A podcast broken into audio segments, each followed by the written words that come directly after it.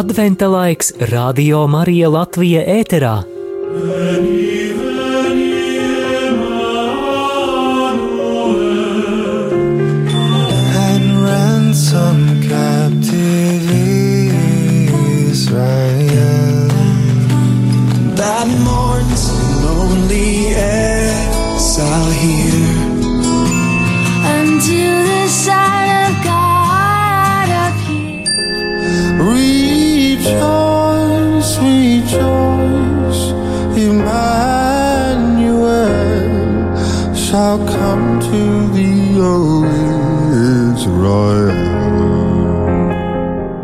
Vēro kā aug jēzus koks.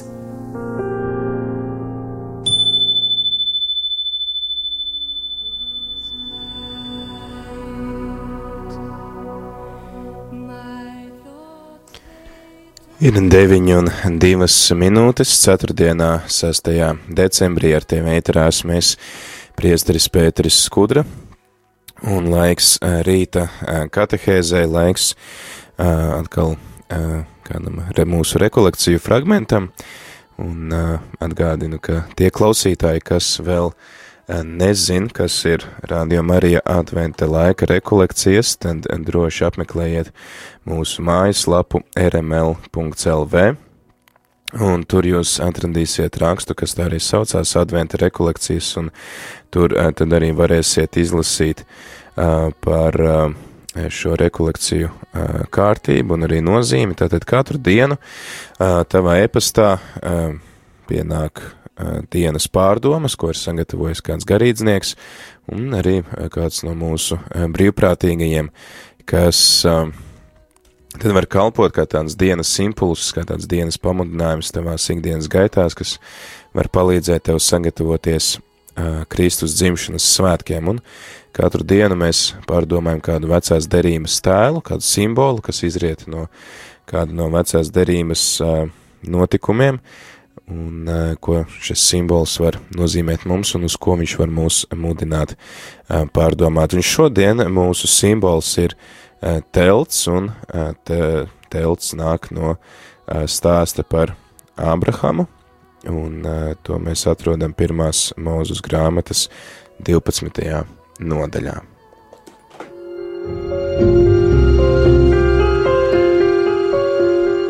Ieklausāmies Dieva vārdā.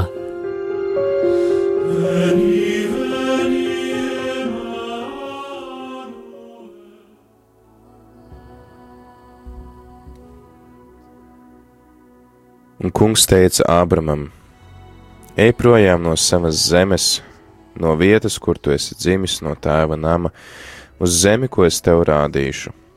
Es darīšu tevi par lielu tautu, es svētīšu tevi un darīšu lielu tavu vārdu, un tu būsi par svētību.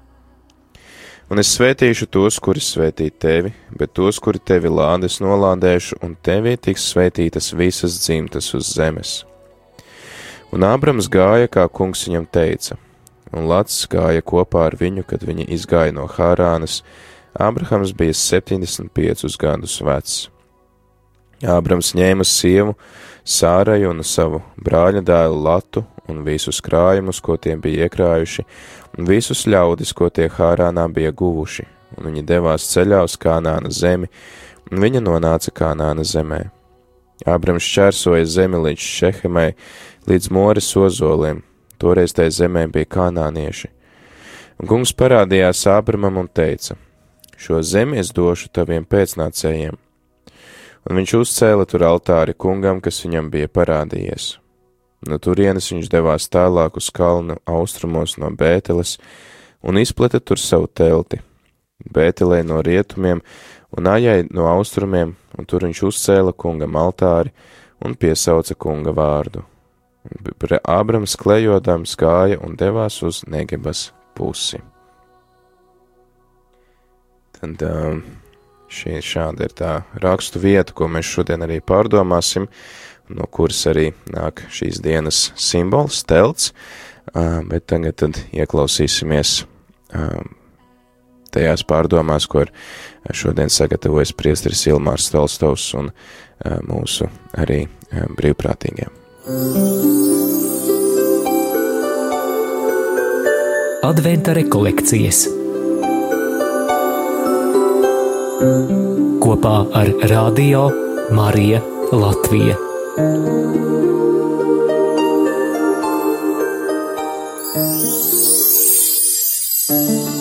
Šodien pārdomāsim, ko nozīmē telts. Vecajā derībā, eh, pirmajā jeb radīšanas grāmatā, gan 12. gan 15. nodaļā, eh, Dievs aicina Ābrahamu iziet no savas zemes un apsola viņam mantinieku. Vēl vairāk Dievs eh, norāda to, ka viņa mantojums būs daudz vairāk nekā tikai zeme, nekā tikai dēls, nekā tikai viena tauta. Un um, Dievs arī aicina Abrahamu nekad um, nepiesaistīties vienai vietai. Līdz ar to šī, šis telts apzīmējums norāda uz to, ka mēs visi esam ceļinieki, ka um, šī dieva tauta, tā ir tauta, kas ceļo. Un uh, telts celtniecība norāda, ka dieva tautai nav paliekamas mājvietas. Arī Jāzeps un Marija bija ceļā uz uh, Betlēmi, Viņiem vajadzēja kādu viesnīcu, kādu vietu, kur palikt pa nakti, kur dzemdēt. Un kūts, kurā dzīvo, jeb stāvlītis, kurā dzīvo jaundzimušais Jēzus bērns, norāda uz šādu nedrošu vietu. Arī pēc dzimšanas viņi bēg uz Eģipti. Līdz ar to visa gan vecās derības vēsture, gan arī jaunās derības situācija norāda uz šo nemitīgo svētceļojumu, nemitīgo, nemitīgo apziņu par to, ka mūsu tēvi ir debesīs. Un Arī Bībelē šis teksts, kur vārds tapa miesa, norāda uz to, ka vārds burtiski būvēja telti mūsu vidū. Tātad Dievs nāca mūsu vidū, Viņš mājo mūsu vidū, bet mēs zinām to, ka mūsu tēvi ir debesīs, mūsu saknes ir debesīs, mūsu dzīves mērķis ir debesīs. Mēs esam šeit tikai ceļinieki, tikai, ja var teikt, varētu teikt, viesi uz kādu neilgu laiku.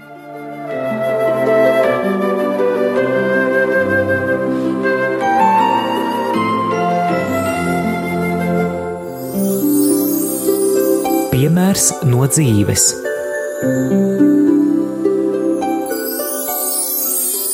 Esmu Gatis Vēveris no vecumniekiem. Jēzus koks telts.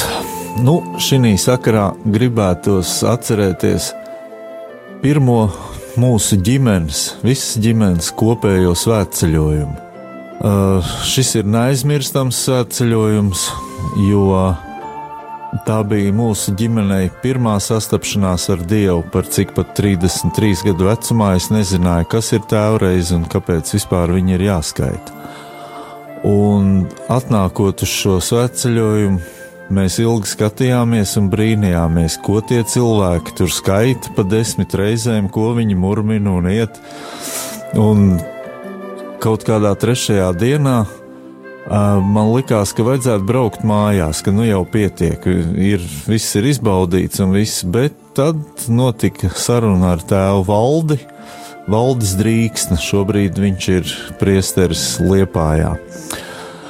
Un uh, pēc šīs te trešās dienas notika kaut kāds lūzums, gan fiziski, gan garīgi, un tālāk jau mēs apjautām to, ka mēs esam atnākuši uz pareizo vietu.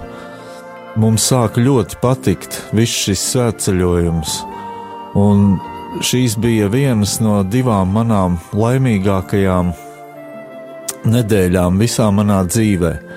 Jebkurā gadījumā, jebkuram cilvēkam, kurš meklē kaut kādu savu ceļu dzīvē, kurš vēlas atrast Dievu, viennozīmīgi es un mana ģimene varētu ieteikt sākt tieši ar svētceļojumu. Ko es varu izdarīt šodien? Protams, ka advents nav gavēnis, bet um, ir šis te tāds atsacīšanās un mazliet norimšanas aspekts. Tāpēc gribētu uh, ikvienam rādījumam arī klausītājiem novēlēt arī pārdomāt par šo telts, telts aspektu. Un, jā, mēs ziemā nevaram daudz būvēt teltis, un varbūt tie, kas ir gājuši svētceļojumā, teltīm zina, ko tas nozīmē iet uz aglo un būvēt teltis. Bet es aicinu, lai mēs pārdomātu, vai mēs neesam pārāk daudz šeit iesakņojušies, un vai tomēr nav tā, ka mēs vairāk esam šai pasaulē un uh, esam aizmirsuši par mūžīgo dzīvi, par debesu valstīm. Lai Dievs mums palīdz izdzīvot šo adventa laiku svētīgi un ar dziļākām pārdomām.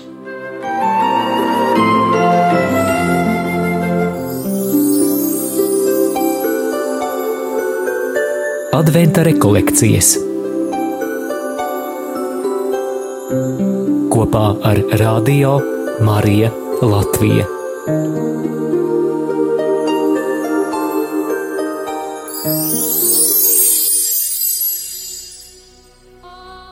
Jā, paldies mūsu brīvprātīgajiem, priesterim Ilmāram un arī Gatim ā, par ā, šīs dienas meditāciju.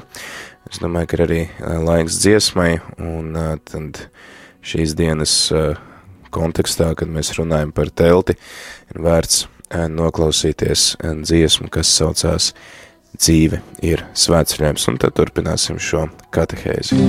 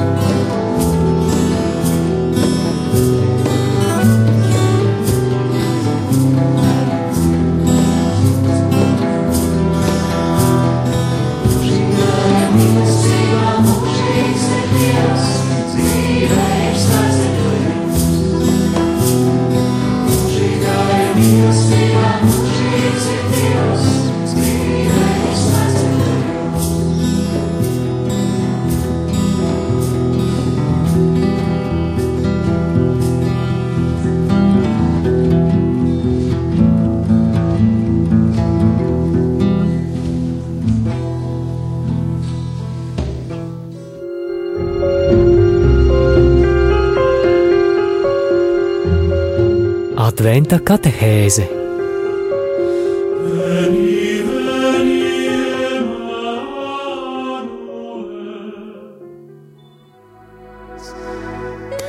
Ir 15 pāri 9. ceturtdienā 6. decembrī šodien baznīca ir izsmet svētā Nikolaja dienu.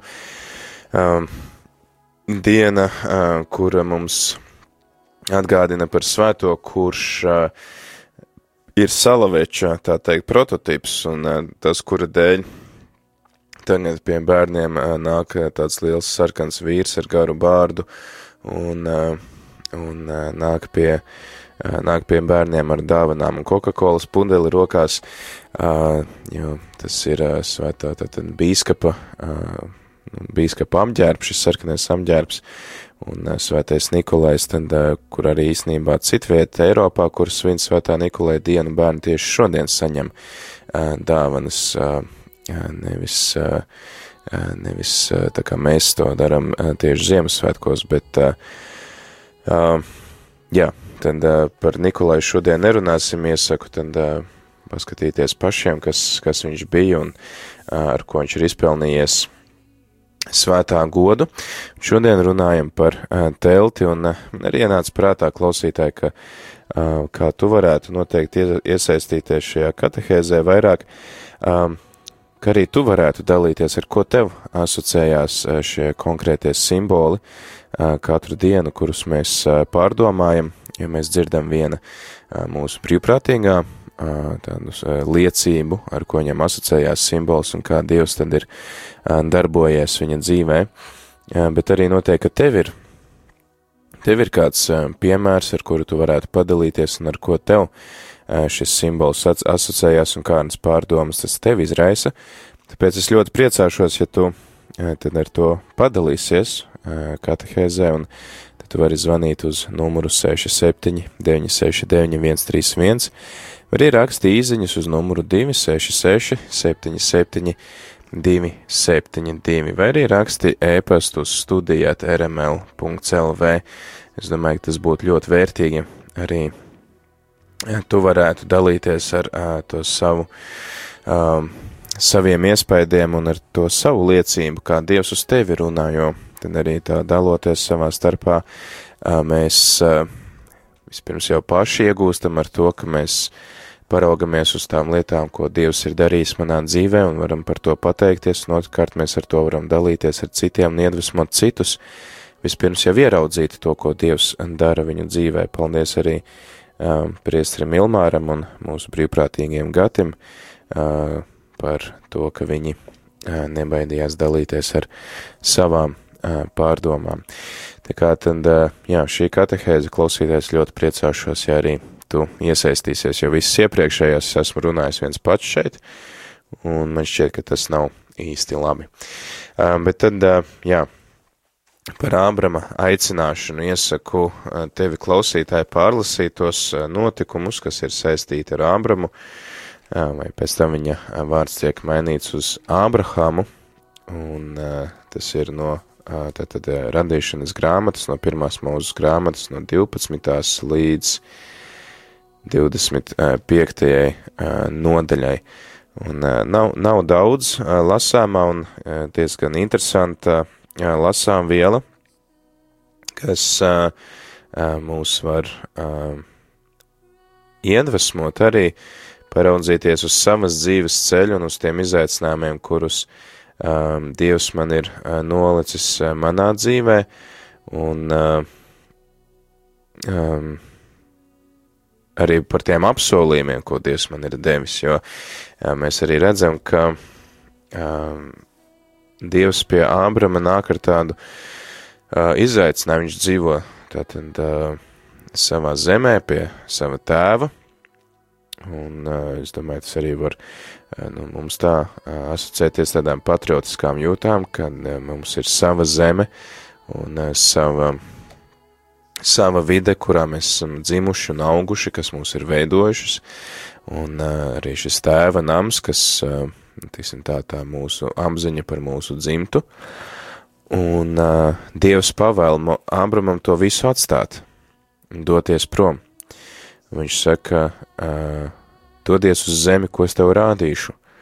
Es darīšu tevi par lielu tautu, es svētīšu tevi un darīšu lielu tavu vārdu, un tu būsi par svētību, un es svētīšu tos, kuri svētī tevi, bet tos, kuri tevi lādes nolādēšu, un tevī tiks svētītas visas dzimtas un zemes.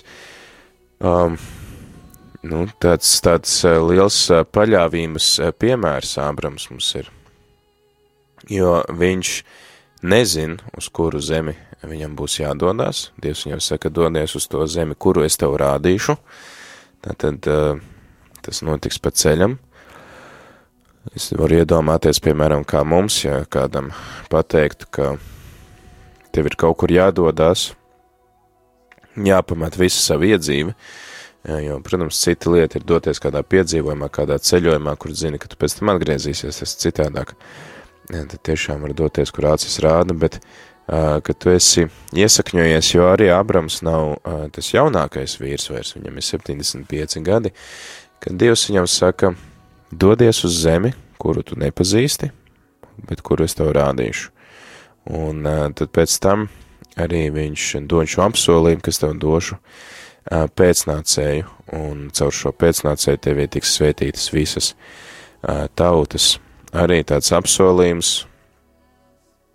kuru Dievs arī neizpild uzreiz, un mēs pēc tam lasīsim, ka bija vajadzīgi uh, 20 gadi, lai šo apsolījumu, lai šis apsolījums piepildītos. Tas arī bija kā tāds nu, paļāvības treniņš varbūt Ābramam, paļauties uz Dievu, ticēt Dievam, ka Dievs ir uzticīgs saviem solījumiem, ka viņš um, nepieviļ. Liekas arī interesanti šī Ābrama aicināšana, un tas, kā tas notiek. Mums svētie raksti nesaka, ka Dievs būtu parādījies Ābramam tā kā mūzum dagošā krūmā vai ar kādām pārdabiskām zīmēm. Viņš vienkārši aicina Ābramu.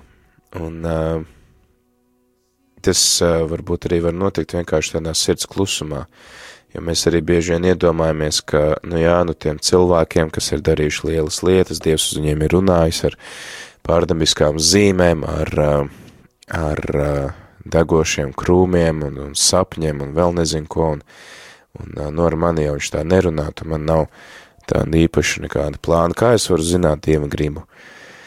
Um, tas, ko arī tāda grāmata ir latviešu valodā iztulkota, Pentateiks Mūzus Tora, kuru ir uzrakstījis uh, Slovāku uh, priesteris, uh, bībeles pasniedzējs priesteris Valdemārs Hrustovskis, un viņš saka, ka Ābrams, viņš, nu, visticamāk, ka nāk no tādas pagānu vides, kurā valda politeisms, bet tad viņš arī saka, ka Ābrams ir uh, tiksim, saskaņā ar jūdu egzaģētu tradīciju, ka Ābramā saskata cilvēku no politiskas pasaules, kurš atzīst uh, to, kurš norobežojas no šīs daudzdievības un kurš atšķiras no citiem cilvēkiem ar atziņu par to, ka ir tikai viens dievs un ka viņš visticamāk pie šīs atziņas būtu nonācis tādā dabiskā veidā. Līdzīgi kā apustulis Pāvils mums raksta, ka caur eh, dabisko pasauli, caur radītām lietām Dievs eh, var mūs uzrunāt, un mēs varam atklāt eh, Dievu savā dzīvē. Un ka tad attiecīgi arī kā tādu nu, apbalvojumu par šo, par šo Ābrama nu, tādu drosmi, nostāties pret pastāvošo kārtību, tad viņš viņam ir atklājies un aicinājis viņam izpildīt cēlu sūtību, bet uh, nekur netiek aprakstīts, kā tas notiek, un uh, varbūt tas vienkārši ir tiešām noticis tādās personīgās attiecībās, personīgā lūkšanā, bez kādām pārdabiskām ārējām zīmēm. Un uh, es domāju, ka arī tu, klausītāji, noteikti vari pārdomāt šodien, kā uz tevi Dievs ir runājis, kā uz tevi Dievs, kā tev viņš ir atklājis savu gribu Un eh, tas visbiežāk notiek tieši šajā mūsu tādā sirds sarunā ar Dievu, kad mēs esam vieni un kad mēs varam klusumā ieklausīties savā sirdī. Un tie sirds pamudinājumi, sirds ilgas, tad arī ir tās, kas mums dāvā šo kunga atbildi. Un, uh, jā, tad mēs, jo vairāk mēs arī mācāmies runāt ar Dievu, jo vairāk arī uh, mē, viņš mēs atpazīstam viņa balsi, mēs tā kā uztrenējamies kļūt ar vien jutīgāki uh, pret viņa balsi. Slīdzīgi kā, nu, varbūt tad, ka mēs no liela trokšņa kaut kur ieejam, uh, kur kāds runā klusi, tad mums sākumā ir grūti sadzirdēt, ko šis cilvēks saka, mums ir tā kā jāpieliecās vai jāsakoncentrējas vairāk, bet, ka mēs pierodam, mēs sākam arvien, arvien labāk un labāk dzirdēt to otro cilvēku un kļūst, kļūstam tādi jūtīgāki. Um, jā, tad arī, arī, ja tu gribi atpazīt Dieva balsi, un uh, ja kādreiz tev liekas, kā tu vari zināt, vai Dievs uz tevi aicina uz kaut kādu tādu radikālu soli, kā Abramu, uh, varbūt pat pamest to savu ierasto vidi, uh, tad uh, viennozīmīgi tā pirmā lieta ir klausies viņa balsī, kas runā tavā sirdī. Katra mūsu cilvēka sirdsapziņa ir Dieva balss mūsos, un jo vairāk mēs kopjam savu sirdsapziņu, jo vairāk mēs tajā klausāmies, jo arī labāk mēs atpazīstam Dieva balsi, un mēs arī redzam šeit, ka arī Dievs var atklāties cilvēkiem, kas uh, nepazīst viņu personīgi, bet uh, ar kuriem viņš tad nonāk attiecībās, un ka šie cilvēki viņu var iepazīt arī tādā um, dabiskā ceļā. Protams, ka šobrīd nu, mums ir jāizmanto arī visi līdzekļi, tādi, ko mums ir devis Dievs, lai pēc iespējas pilnīgāk viņu iepazītu, bet šis pirmais solis, tad mēs redzam, ka cilvēks arī tādā dabiskā ceļā var iepazīt Dievu, to atklāt to, kāds viņš ir, un Man nāk prātā vēl kāds vīrs, kuru arī sauc par kristieti pirms Kristus, un tas ir Sokrāts, kurš arī savā laikā nostājās pret pastāvošo kārtību ar domu, ka loģiski spriežot, un viņš vienkārši risinot loģikas problēmas, nonāca pie atziņas, ka loģiski spriežot, ja Dievs ir visvarans un mūžīgs, viņam nevar būt nekāda robeža. Ja ir ja vēl kāds cits dievs, tas nozīmē, ka jau starp viņiem parādās kāda robeža, bet uh, tā dieva koncepcija mums to neļauj pieņemt šādu atziņu, un tad arī tā loģiski spriežot, viņš nonāca pie atziņas par to, ka politeisms ir nu, maldīgs pasaules uzskats, par ko viņam arī nu, nācās atdot savu dzīvību, jo grieķi viņu uzskatīja par ateistu, bet viņš neteica, ka dieva nav, viņš teica, ka mums ir um, un tā loģiski spriežot jānonāk pie secinājuma, ka var būt tikai viens dievs. Tālūk, tad uh, pārdomājam to, kā Dievs runā uz mums, un vai mēs klausāmies Dievu, vai mēs spējam atpazīt viņa balsi, un tikmēr tad arī dziesma I'm for you, esmu priekš tevis. running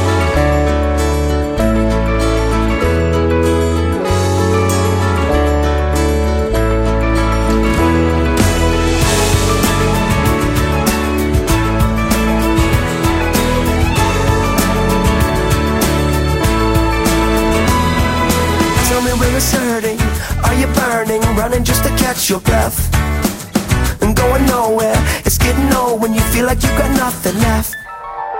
But it ain't over till it's over. I told you since the day we met. So let me be the voice through all the noise. Whatever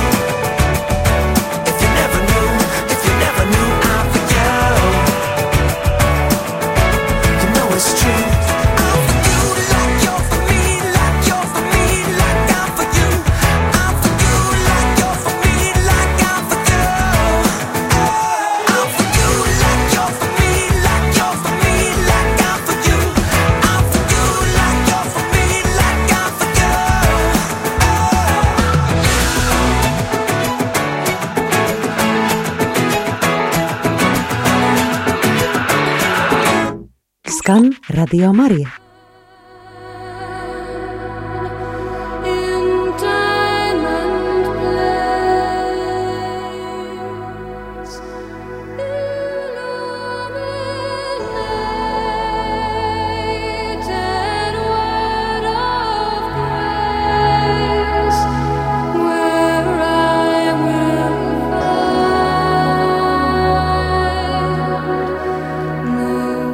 Jā, rādījumā arī Latvija klausītāji ir 9,33 minūtes. 6. decembrī turpinam šīs dienas katehēzi, un arī prieks par to, ka jūs atsaucaties aicinājumam dalīties ar savu liecību par to, ko jums nozīmē šis telts simbols, un paldies Jānim, kurš ir uzrakstījis īziņu telts ar atrašanos mātes klēpī, un tad sākas dzīves svētceļojums.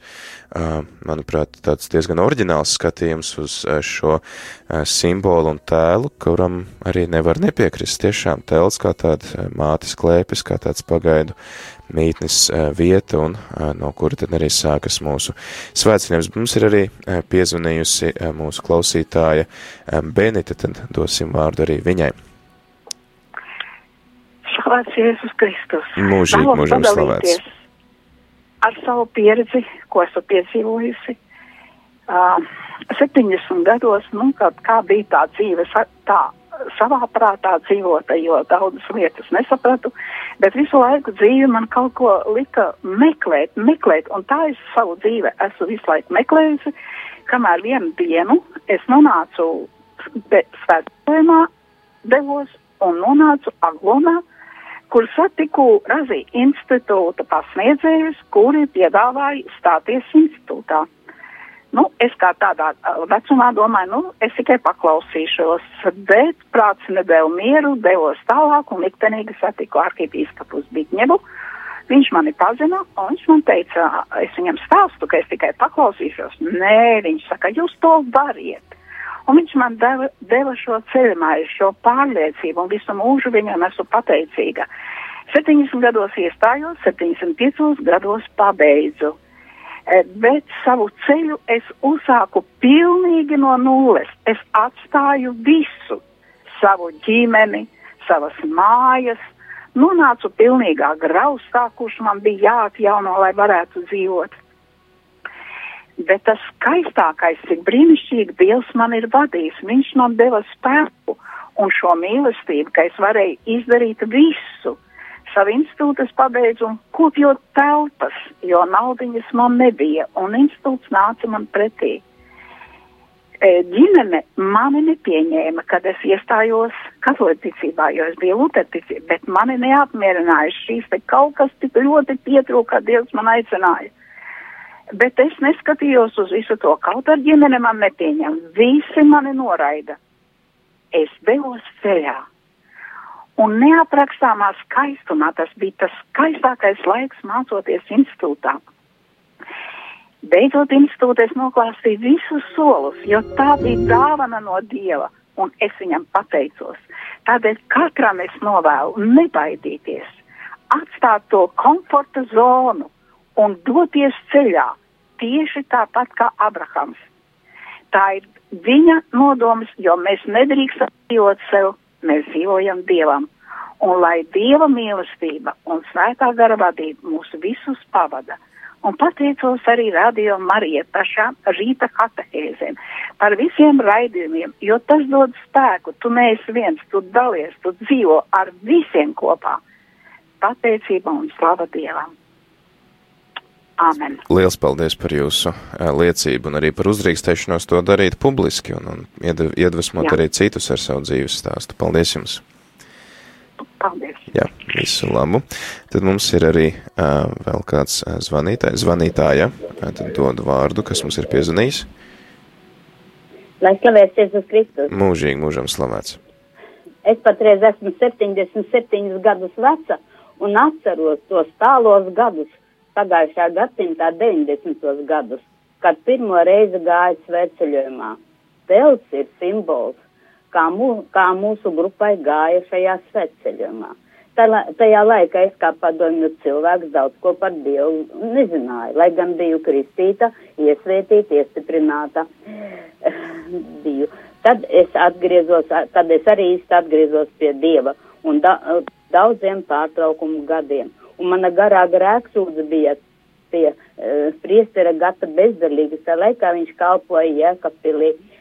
Un no tā laika, var sakot, paldies Dievam, paldies uh, Dievmāmiņai, paldies, ka viss tā notika, un tagad es tiešām visu laiku esmu jūsu rādio Marija fani. Pa- Lai jums veicās, lai jums arī citi izstāst savus sveceļojumus, jo tas ir ļoti svarīgi. Sveceļojums ir pirmā telts, pirmā eh, telts ir sveceļojuma pirmā, kā teikt, pazīme. Septiņas reizes pēc tam es gāju sveceļojumā. Nu, tagad vēl vecuma dēļas laikam vairs nevarētu, bet, nu, paldies Dievam un Dievmāmiņai ļoti liela pateicība par to.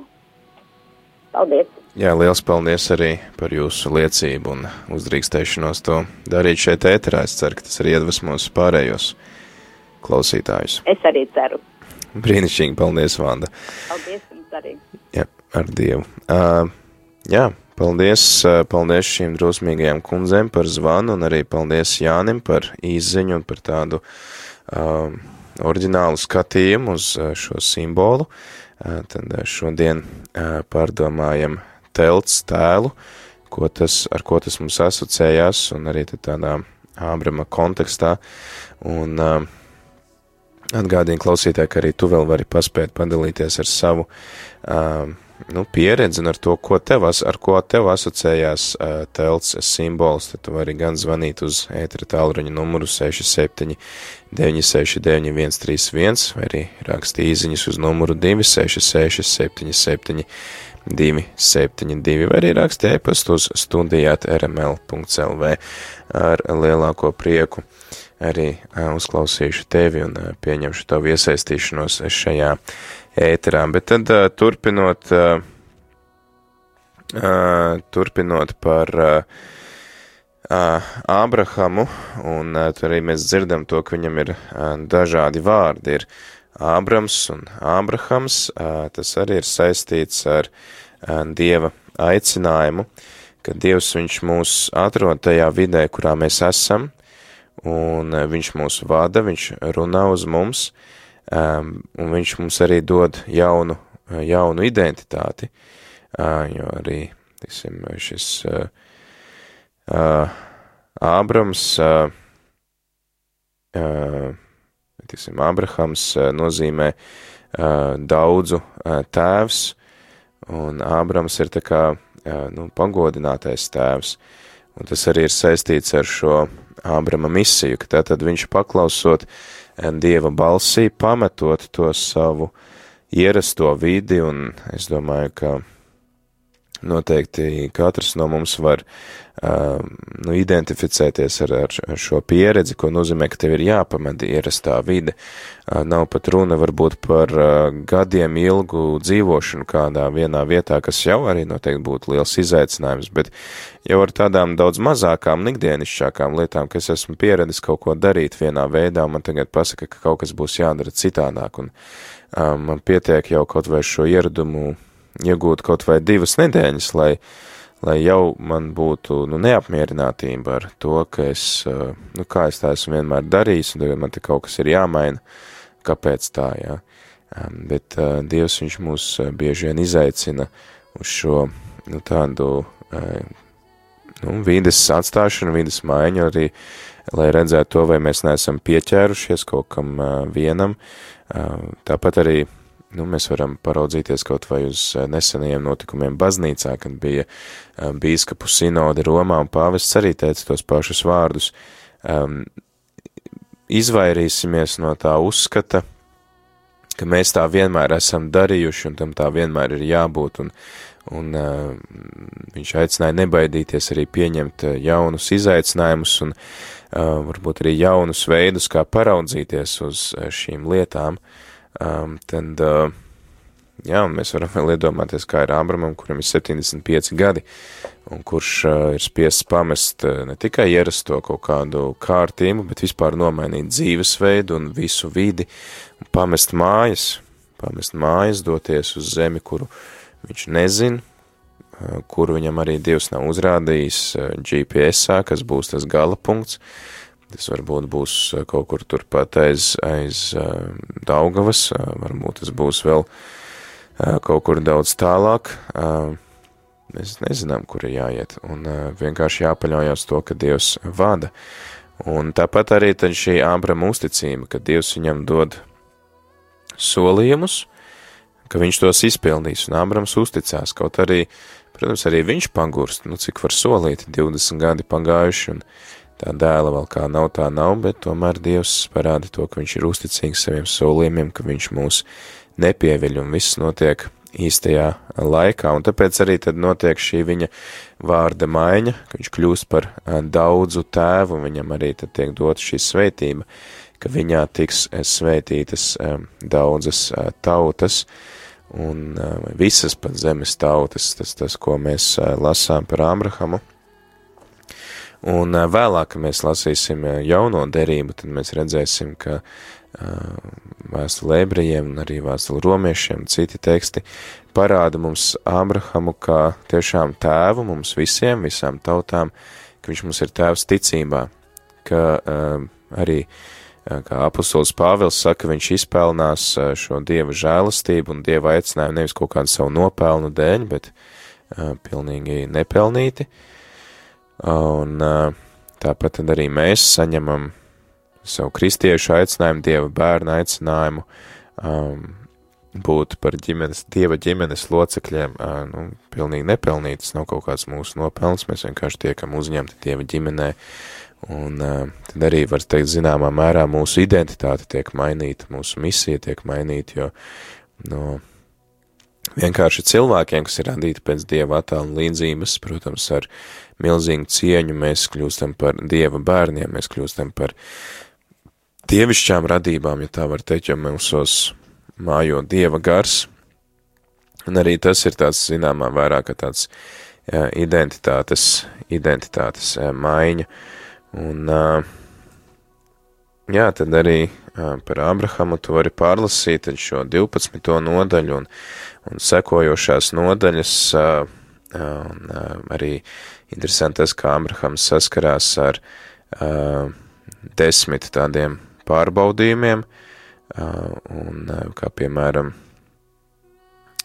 aiziešana no, tātad no savas dzimtas, aiziešana no valsts, bīstams ceļojums uz Ēģipti, tāpat arī lota glābšana, visu šo stāstus tu vari izlasīt, tātad, kā jūs minēju, no 12. nodaļas līdz 25. nodaļai, un no šiem desmit pārbaudījumiem arī vienmēr seko tad tādi mierinājumi, un arī ir septiņas svētības paralēli šiem pārbaudījumiem, ka tātad tās mūsu attiecības ar Dievu ir tādas dinamiskas, kas ietver gan pārbaudījumus, bet arī reizē mierinājumu, ka Dievs mūs, viņš mūs, jā, aicina varbūt tādām trakām lietām, bet viņš arī dod līdzekļus, kā šos izaicinājumus pārvarēt, un viņš arī mūs svētī, un svētī septiņkārt, septiņ, kas ir tāds kā pilnības skaitlis, un lasot šīs nodaļas arī varbūt mēģina ieklausīties, kas tad ir tie pārbaudījumi, ar kuriem saskarās Ābrahams, un kas ir tās svētības, ko viņam tāvā Dievs, un vairāk kārt Dievs viņam atgādina tieši šo svētību par pēcnācējiem, kas ir kā tāds arī drošības garants, jo, tiksim, antīkajā kultūrā tava labklājība lielā mērā un arī tavs, nu, tas, vai tev ir labi vai, vai netik labi veicies dzīvē, ir atkarīgs no tā, vai tev ir vai nav pēcnācēji, un vai Dievs tevi svētī vai nē, vai, nu, citās kultūrās dievi, un, un caur šo pēcnācēju tad arī Dievs parāda, ka viņš svētī Ābram, un ka viņš dāvā mums šo svētību arī tādās varbūt bezcerīgās situācijās, kad mums jau liekas, ka viss ir zaudēts, un jā, tiešām iedvesmojošs, iedvesmojošs stāsts par šo vīru, un es ceru, ka tas arī iedvesmos tevi, klausītāji, nebaidīties pieņemt Dievu izaicinājumu, tātad pirmkārt, vispirms jau kā Ābrahamam uh, būt ar atvērtu sirdi un klausīties Dieva balsī, klausīties sirdsapziņas balsī, kur uz tevi runā Dievs. Uh, nevienmēr viņš izmanto uh, tādas uh, lielas, uh, lielas zīmes un, un kaut kādus degošus krūmus, bet uh, vis tā parastākā, parastākais veids, kā Dievs uz mums runā, ir mūsu sirdsapziņas balss, un paldies arī uh, klausītājiem, kas dalījās ar to, kā viņus ir uzrunājis Dievs, un tad, tad pirmkārt klausamies Dieva balsi, kā saklausīt un kā atpazīt Dieva balsi, uh, nu, tādu vienu recepti nevar iedot, tas ir, man ļoti patīk, uh, priestara Džima Mārtina salīdzinājums grāmatā, kas ir arī latviešu valodā izdota, um, par jezuītu tātad šo garīgumu, kas noder kā ceļvedis praktiski visā, ka viņš saka, uh,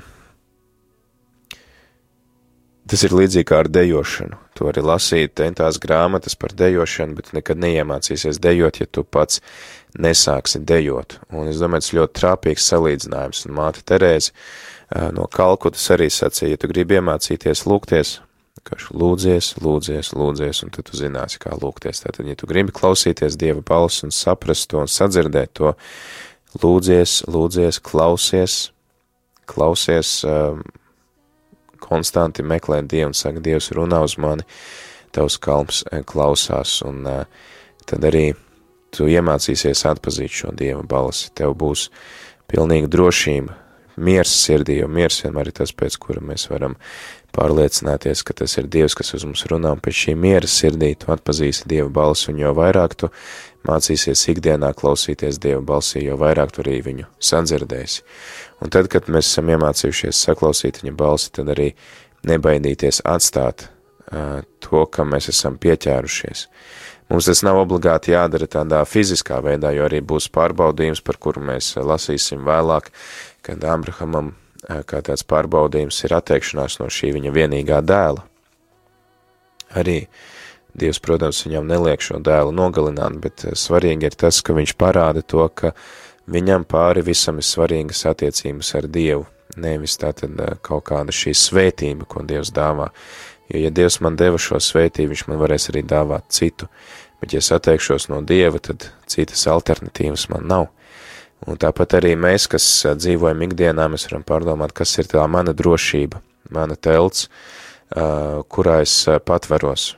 Vai tas ir Dievs, ar kuru es eju kopā un kurš man dāvā visu, vai arī es varbūt tomēr, un tas ir dabiski, ka mēs cilvēki, protams, ka mums ir vajadzīgas arī citas lietas, finanses, darbs, ģimene, draugi, novērtējums, atzinība, tās visas ir labas un vajadzīgas lietas, kas mums ļauj justies patiesi cilvēcīgiem, bet kuras nav galvenās, un kuras mums būs arī tad, ka ja mēs no tām tā atteiksimies Dieva dēļ, jo Dievs mūs neatstāja tukšā, viņš vienmēr mums dāvā visu vietā.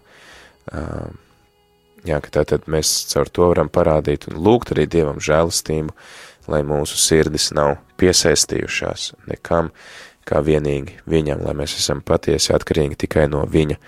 Un tad arī kā šīs nepieķeršanās simbols ir šis ceļojums, ka Abrahams viņš kļūst par klejotāju tautas tādu, nu, aizsākumu. Klejotāja tauta, kas klejos vairāku pauģu garumā līdz tā vispirms nometināsies Ēģiptē un pēc tam tā nometināsies tad apsolītajā zemē, kad to būs aizvedis Mūzus um, kā arī tava dzīve, lai arī cik labi kādreiz būtu kādos brīžos, līdzīgi kā pa ceļam uz aglonu, lai cik labi tevi kādi saimnieki uzņemtu un, un cik patīkami tur būtu, tomēr tas nav tavs gala, gala mērķis.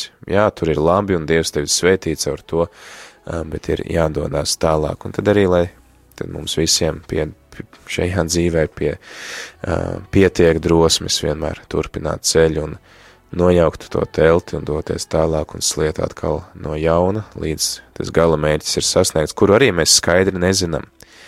Kāda būs tā debesu valstība, tā mūžīgā dzīve, mēs nezinām, kā tas būs, mēs zinām to, ka tas, ko mums Dievs ir sagatavojis, tas ir kaut kas ļoti, ļoti labs. Līdzīgi kā Ābrahamam, viņš nezina, ko Dievs viņam ir sagatavojis, bet viņš paļaujās, ka tas ir kaut kas labs un vērtīgs. Paldies arī vēl kādam citam klausītājam vai klausītājai, kas saka, rīta katehēze ir arī ticības un dieva ambece, zināšana, apgūšana un iegūšana brīnišķīgi, dodot gūtais neatņemams laisveitību un paldies, jā, paldies arī par šo izziņu, paldies tad visiem, kas dalījāties ar to, ko jums nozīmē šis simbols, un es ceru, ka arī turpmākās katehēzes klausītāji mēs varam, jā, mēs varam visi tad iesaistīties, padaloties ar to, ko man personīgi šis simbols nozīmē un uz kādām pārdomām mani tas mūdina. Ar to tad arī šodien beidzam, šodienas simbols bija telts, rīt jau gaidām nākamo simbolu. and